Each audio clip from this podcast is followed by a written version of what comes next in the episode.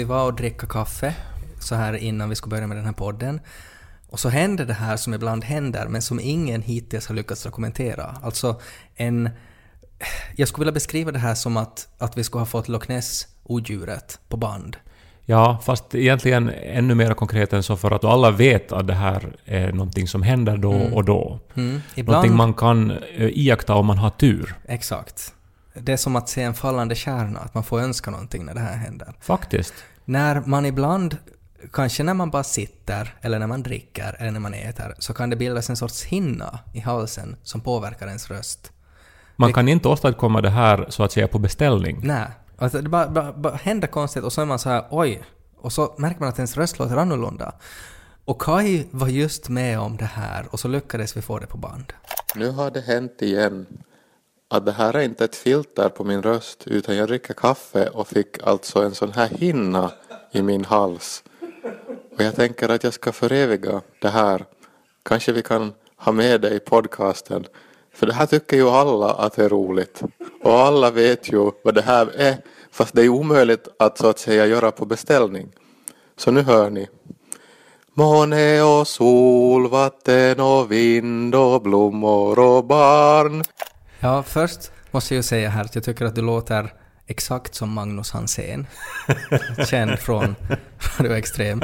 Vilket är roligt att, att om du har en hinna i halsen Så betyder det att Magnus Hansen har något sorts svällningsfel? Ja, det kan hända. Alltså att han borde ju få på någon sorts laryngoskopi. Överlag, jag menar du är ju, har ju studerat logopedi, du kan ju struphuvudet, du vet Ja. väl hur det här uppstår? Nej, det, är just det där att jag vet inte hur det där uppstår. För jag tänker mig att det liksom av mjölken i kaffet eller av någonting så, eller faktiskt som en, som en såpbubbelyta som bildas över struphuvudet. Ja, det känns ju på något sätt konstigt. Det kan ju hända att det är något sånt, men jag vet inte. Alltså, om man ska försöka härma det, så är det ju på något sätt att man har använt liksom de här falska stämbanden. Att man pratar lite så här, så då, då blir det... Men inte låter jag ju som Magnus han säger. Alltså har vi falska stämband, alla människor? Ja, det heter så man kan liksom... Om man pratar så här, Ja, så bör man. så, så då, då liksom aktiverar man dem och så känner man att det liksom att om man sätter handen på struphuvudet så känner man hur det blir spänt Ja, under. Och när man inte har, så då, då släpper det lite. Vi har ju arbetat en del med rösten när vi gjorde sketchprogrammet Radio Pleppo. Vi var bara Mm. två personer som spelade alla roller och då måste man ju ändra på rösten. Mm. Och eh, så att vi ändå är ju... Alltså att vi har ju blivit ganska bra på det där ändå, att så här ändra på rösten. Ja, Men det där är ju något-. Nej, nej, men det där är ju något som inte går att så att säga göra på beställning. Nej, och jag tycker det, det är fantastiskt tycker jag hur vi kan erbjuda våra lyssnare att höra, så att allihopa får höra hur du låter när du har den där hinnan. För det här tycker ju alla att det är roligt. Men vilken rikedom det skulle vara om man skulle kunna till exempel i en teaterpjäs använda den där rösten eh, för att alla skulle skratta bara när man hör den. Eller så anställer man Magnus Hansen.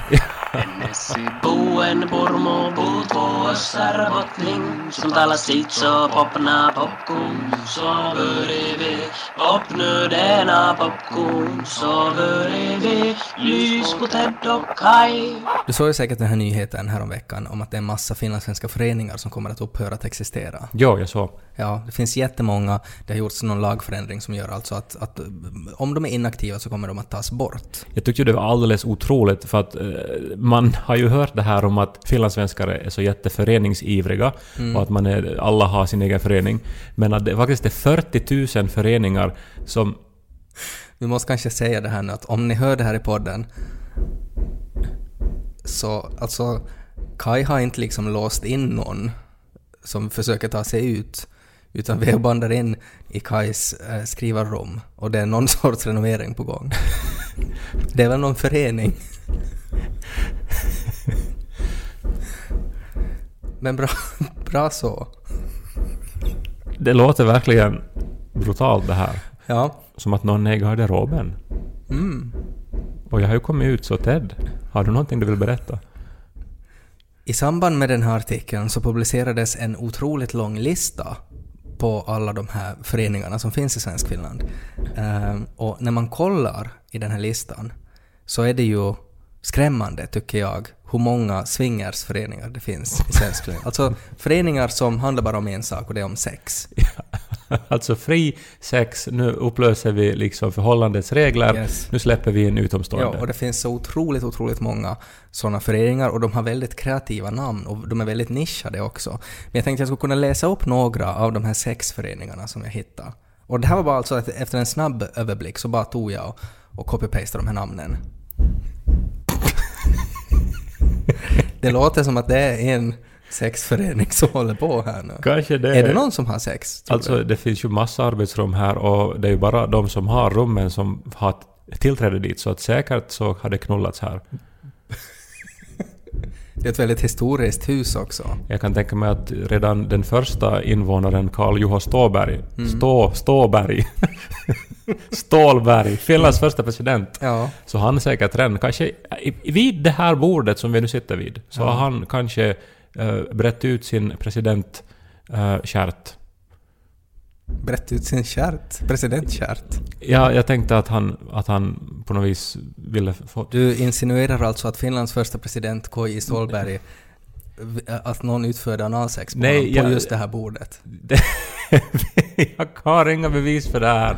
Jag har bara tänkt på sex. Det är din vilda fantasi alltså? Och så, och så. Men nu tycker jag att vi ska, medan det inte eh, hamrar så mycket, så ska vi fortsätta för resonemanget och inte snöa in oss Nej, vi ska inte... på Just det. spekulation. Nej. Nu handlar det om sex. Det alltså de här föreningarna. Jag läser bara de här föreningarna, för det kommer att vara uppenbart att det är en massa swingersföreningar. Först ut har vi Finlands snigelförening RF, Ja. där man, Ja, där ja. man sniglar. ja, det blir så här Ja. slemmiga märken Yes. på bordet. Sen har vi Alternativ Fritid RF. Är ju- Var är den baserad? Vet vi jag, det? jag har ingen info om de här, jag har Jag vill namnet. betala, alltså jag kan betala en hög årsavgift för att Sen vara har med vi i ju den. då Bordtenniskamraterna. No, Jag fick biljards. Ja, men det är just det jag tänker på. Det är ju just det. Sen har vi Botnia Traktorpullers. Avstavat. Traktor, mellanslag, puller. Yes. Och då är det just det där, att det är ju väldigt, väldigt specifikt var man ska hålla på med sina fingrar. Sen, sen nästa, Corona 6 RF. Där man alltså ska ha sex på coronabord. Corona 6. Yes, det är ju det här bordspelet Corona. Så då ska man ta bort coronapjäserna, lyfta upp någon på bordet och så har man sex. Varför ska den upphöra? Har den inte följt stadgarna? Den flitiga handen RF. Kanske en sån här kamratförening till traktorpullers. Det är ju nog en, med, mera en sån här ensam eh, förening där att man sitter själv tror jag och I- tillfredsställer sig. Ja, exakt, och det är också en följande förening, Ekenäs skogspojkar RF. Finlands rörinstallatörförening, där man knackar på. Sen har vi Fjälllämmeln RF. Va, många L i den? Ja. Fjällem... Men du vet, jag menar vissa säger bävrar, vissa pratar om musar. Andra säger fjälllämmeln RF. Sen har vi föreningen Veronica i Kyrkslätt och föreningen Veronica i Åbo. Och det här är alltså en väldigt driftig person som har liksom grundat en egen förening för att kanske är det lättare med skatter Hon har sånt. såna här seriebiljetter på tåget tror jag. Garantiföreningen för ridklubben Sleipner. Nå ja. Att du får garanterat rida här. Och det är en häst med åtta ben. Hamnbankens i Åbo växelkarrar RF. Där man uttryckligen alltså växlar karrar på den här hamnbanken. Jag tänker bara att alla de här eh, föreningarna måste ju ha styrelser och årsmöten och protokoll där och... de knullar och går igenom stadgorna. Helikopterräddningssällskapet RF, alltså att folk som är rädda att den här helikoptern håller på att tas bort. Alltså att man på något vis bryter penisen på något vis ur led när man gör helikoptern. Nej, jag jag tänker att folk är rädda bara att, liksom att, att just det här att, att man drar ner byxorna och gör helikoptern på allmänna platser, att de är rädda att det ska dö ut. det. Ja. Så de försöker rädda helikoptern. Hemmet för kvinnliga kontorister och handelsbiträden i Helsingfors RF. Nå, det låter väldigt så här... Ja men specifikt alltså. Ja, men också tändande. Att Ja, man blir så här, alltså- oh, Uniformer och sånt där. Ja. titta. Hjälp oss att rulla RF. alltså sådana som föredrar överviktiga människor. Antar jag. IOGT, Pangklubben RF. Vad står det då? In- Inside Outside Gay Teens. Gissar jag. Pangklubben, liksom pang, pang, pang, pang. Pang på som det bankar just här. Karis kvinnliga gymnaster, RF. Ja, no. Kyrkroddarna, RF, med sina kyrkbåtar. Närpes filatelister, RF. Tror du att det är frimärken de slickar? Nej, det tror jag inte. Smurfklubben, RF. Det är Viagra. Oj, oj. Och det här var alltså bara ett litet, litet utdrag. Och bara de som måste upphöra, sen måste jag tänka alla de som alla är aktiva, aktiva. idag. Otroligt.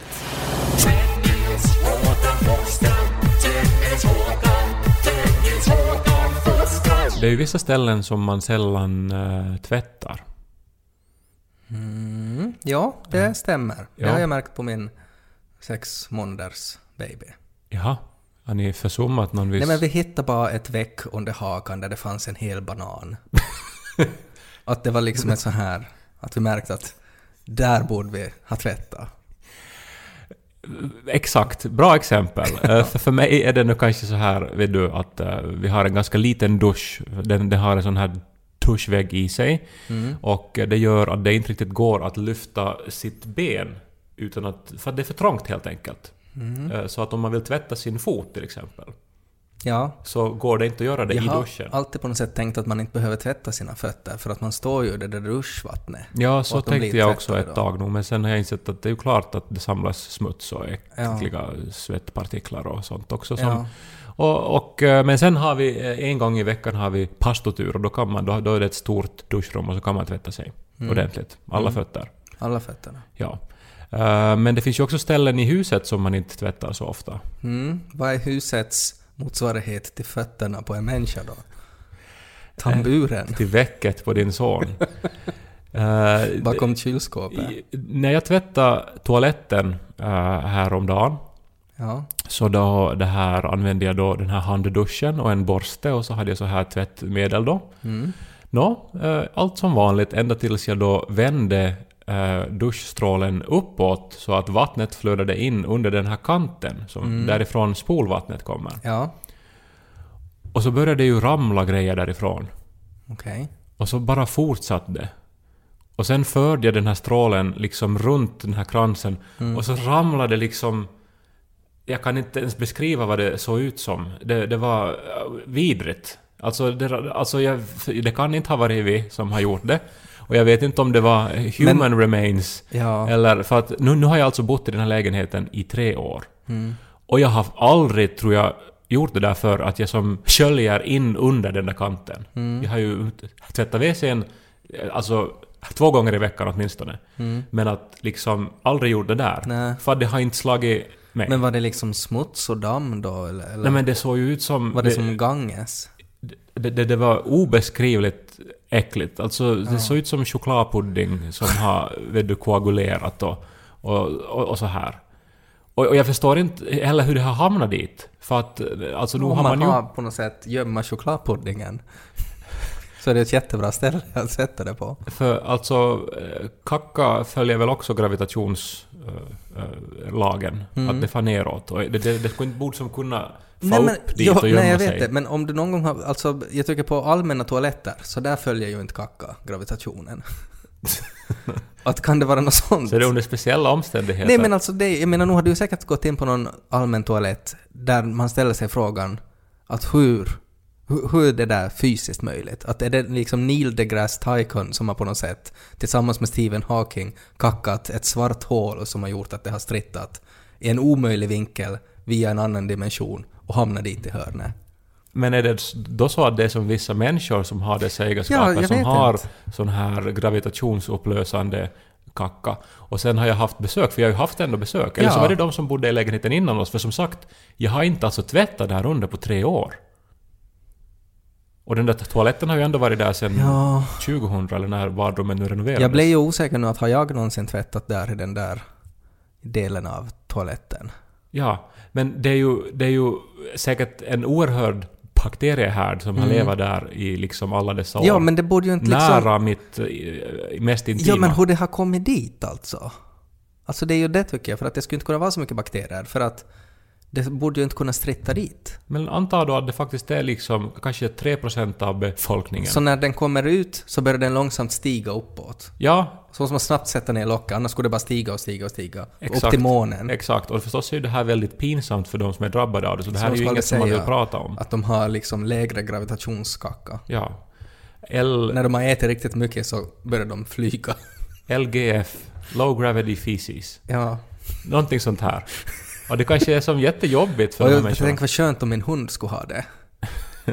så att hon bara skulle kunna kacka och så skulle man bara... skulle den bara få iväg. Så här långsamt och graciöst Nästan också. därför kinesiskt nyår, tänker jag. Där man tänder eld på såna där fina ljus. Här som far uppåt. papperslukta, ja. ja. Men istället skulle det vara hundbajs. Ja, som också lyser lite grann. Gud skulle ha kunnat göra det där liksom häftigare och mycket liksom snyggare och mer praktiskt. Själva avföringen. Ja, jag menar det är ju något som alla ändå gör hela tiden. ja. Och det finns ingen Nej, men det värdighet känns ju som att det här var liksom det bästa han kunde välja. Alltså, så, så tänker jag. Att det var, jag menar ett annat alternativ var att man skulle ha liksom gjort det ur munnen, eller något som skulle ha varit riktigt äckligt. Att det här var liksom det bästa. Nej men alltså att jag tänker mig vet du, som en sån här balmaskin, vet du, som när de En bal, att slår man skulle ha, gräs. gå omkring med en balmaskin efter sig. Nej men att det skulle bildas såna här snygga block som man liksom, som, som typ bara kommer ut på något vis på ett... eh, Alltså att man upptäcker att okej nu, nu har jag ett sånt block här, Mm. så får man liksom bara ta det och lägga det i en insamlingslåda eller någonting. Ja. Det är som inte äckligt, det, det stinker inte Ja. och så vidare. Nej, alltså, jag håller med om att det skulle vara mycket bättre det, men att jag tror som sagt alltså att alternativet var något ännu värre. Till exempel att avföringen skrek. Sk- att det skulle ha varit liksom ett alternativ. Att när den liksom kommer ut så... Och så skriker det liksom ända tills man spolar. Och det skulle vara jättepinsamt det. Tänk dig liksom allmänna vässor i bi- biografen där det bara f- skriker i alla bås. Jag tänker att det skulle fnittra då istället. Så det, liksom man, när man, Att det skulle vara så gulligt så att det skulle bli liksom tragiskt att spola ner det. det då, och så bara fast med locket snabbt så man inte ska få fel i huvudet. Nu skulle det ju vara liksom bättre att det är äckligt och som det är nu och luktar illa och sådär än att om det skulle komma ut ett djur som då antingen skulle skrika eller vara jättegulligt. Att man skulle måste, ha- man skulle måste ha ett bajskoppel som man snabbt måste sätta på det. För att annars så skulle det springa iväg och skrika och skälla. Smutsa ner överallt. Det är så här elpistoler på varje vässa. Man får ju anta att Gud hade alla de här alternativen på en lista. Säkert. Då på den, på den första dagen, Han- nej, på den fjärde dagen, när nu, men, sjätte dagen skapades människan tror Mm, jag. så då hade han grundat någon så här hur vi ska bajsa RF-förening där de diskuterar hur vi ska göra det här. Jag fick en tidning på posten, eh, en vetenskapstidskrift, där en litteraturprofessor har analyserat min senaste roman Oj, och skrivit en vetenskaplig artikel om den. oj. Vad häftigt.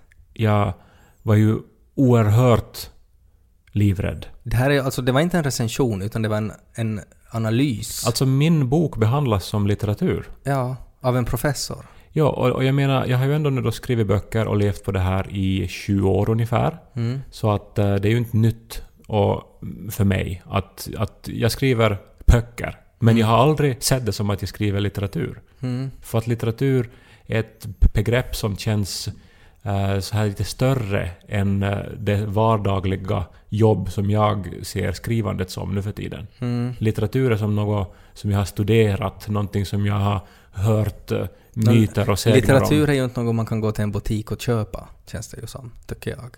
Li- li- litteratur är ingenting som sådana här vanliga typer som jag kan göra. Mm. Men om en litteraturprofessor börjar analysera den Så de måste ju den, behandlat din bok som litteratur. Ja, så jag läste ju med, med skräckblandad förtjusning den här analysen. Mm. Och det var otroligt märkligt. Och otroligt tillfredsställande. Okej. För att som när man skriver en roman så då lever man ju med hundratals tankar och idéer under den tid som det tar att skriva den. Mm. Och man försöker ju formulera så många som möjligt av dem och eh, få ihop dem till den här romanen. Och eh, man håller på så pass länge att man sen glömmer var tankarna börjar och slutar och så blir det alltid ett sorts nystan av olika idéer. Men sen när det är färdigt så vet man åtminstone att precis allting som står där så är där av en orsak och att man har liksom tänkt väldigt mycket på precis allt som står där. Mm.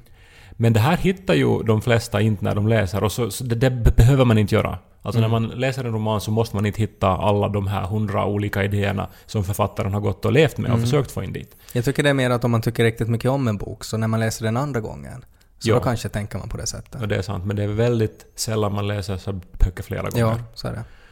Uh, åtminstone för mig är det nog, och jag tror för de allra flesta. Men eh, den här litteraturprofessorn hade ju då eh, med sin vetenskapliga metod Mm. då eh, hittat jättemånga saker av de här som jag har liksom gömt eller åtminstone som inte finns eh, vet du, explicit utskrivna där. Mm. Och det tyckte jag var otroligt häftigt. Och på något vis att jag för första gången på 20 år kände att man har gjort någonting som kanske, kanske faktiskt är, är litteratur. Mm. Det var som ett stämpel. Och jag har alltid haft en romantisk inställning till stämplar. Det är väl någon, någonting från när jag var liten och hade en bankbok och sen när man får ta ut pengar till postbanken som fanns på min tid eh, så, så skrev de upp hur mycket man tog ut och så stämplade de med en stämpel Mm. och, det, och, och då var det på något vis på Det riktigt. blev officiellt då. Ja, och det är ju ännu när man till exempel ska resa till ett annat land, USA till exempel, så står man länge och köar där vid passkontrollen och sen när de stämplar ens pass så då är det okej Mm. att få in i landet. Mm. Det är någonting magiskt med stämplar och nu känns det som att jag fick en stämpel. Litteratur. Stämpel. Litteratur! jag föreställer mig att, att det finns en sorts fabrik någonstans. Jag tror att det ser ut precis som, som i det här Kalle Ankas jul.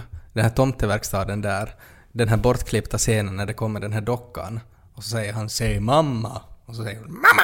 och så stämplar han OK på baken. Så att istället så kommer liksom en massa böcker dit. Ja, Och så är det då julgubben som läser dem. så det är en tjock gubbe eh, Mm. med alldeles för lite att göra som Mm. sitter och läser dem en i taget och blir bara tjockare och tjockare. Mm. Och när han är färdig så då funderar han en liten stund och sen är det endera LITTERATUR! Eller så bara kastar han den åt andra sidan och så blir det aldrig litteratur. Ja. Så nu har du fått den där stämpeln. Jag började tänka att var det lite så som då när du fick jobba med Robert Gustafsson? Att han stämplar mig på baken. Nej, men så här att, vet du att då blev det på något vis på riktigt på något sätt. För att nu har jag hållit på att skriva Mm. böcker i 20 år och så har det varit att ja, jag skriver böcker, jag gör mitt yttersta, jag får bra recensioner och så vidare. Eh, oftast, och, eh, men det har inte känts som litteratur innan en Nej. expert nu har, har, har behandlat det som litteratur. Ja.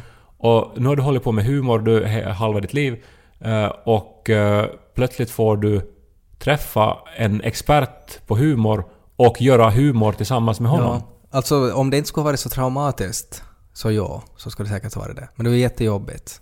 Det är liksom, jag, jag, jag har ju lite förträngt hela den situationen för det var så jobbigt tyckte jag. Jo, men det måste ju också ha varit väldigt mäktigt. Jo, alltså det var jätte, jättemäktigt liksom inför och allting, men hela hur han betedde sig och hela res- slutresultatet och allting så, så var, var så dåligt. Eh, så att jag ångrar ju nästan att jag inte skulle ha träffat honom. För att det ändra, hela min bild av honom ändrades efter det där. Ehm, så på ett sätt, men inte alls lika positivt som din litteraturstämpel tror jag. Mm. Har det här ändrat nu då hur du själv ser på dig? Liksom att är du nu ännu jobbigare att umgås med efter det här? Ja, det kan vara. Jag, jag har inte att ännu hunnit träffa allt- så många människor. Nej, nej, men att om allt det du gör nu, är det litteratur det nu? Är det liksom att när du ska signera ett kvitto nu, så är det sådär att du vet väl vad du har där? Litteratur!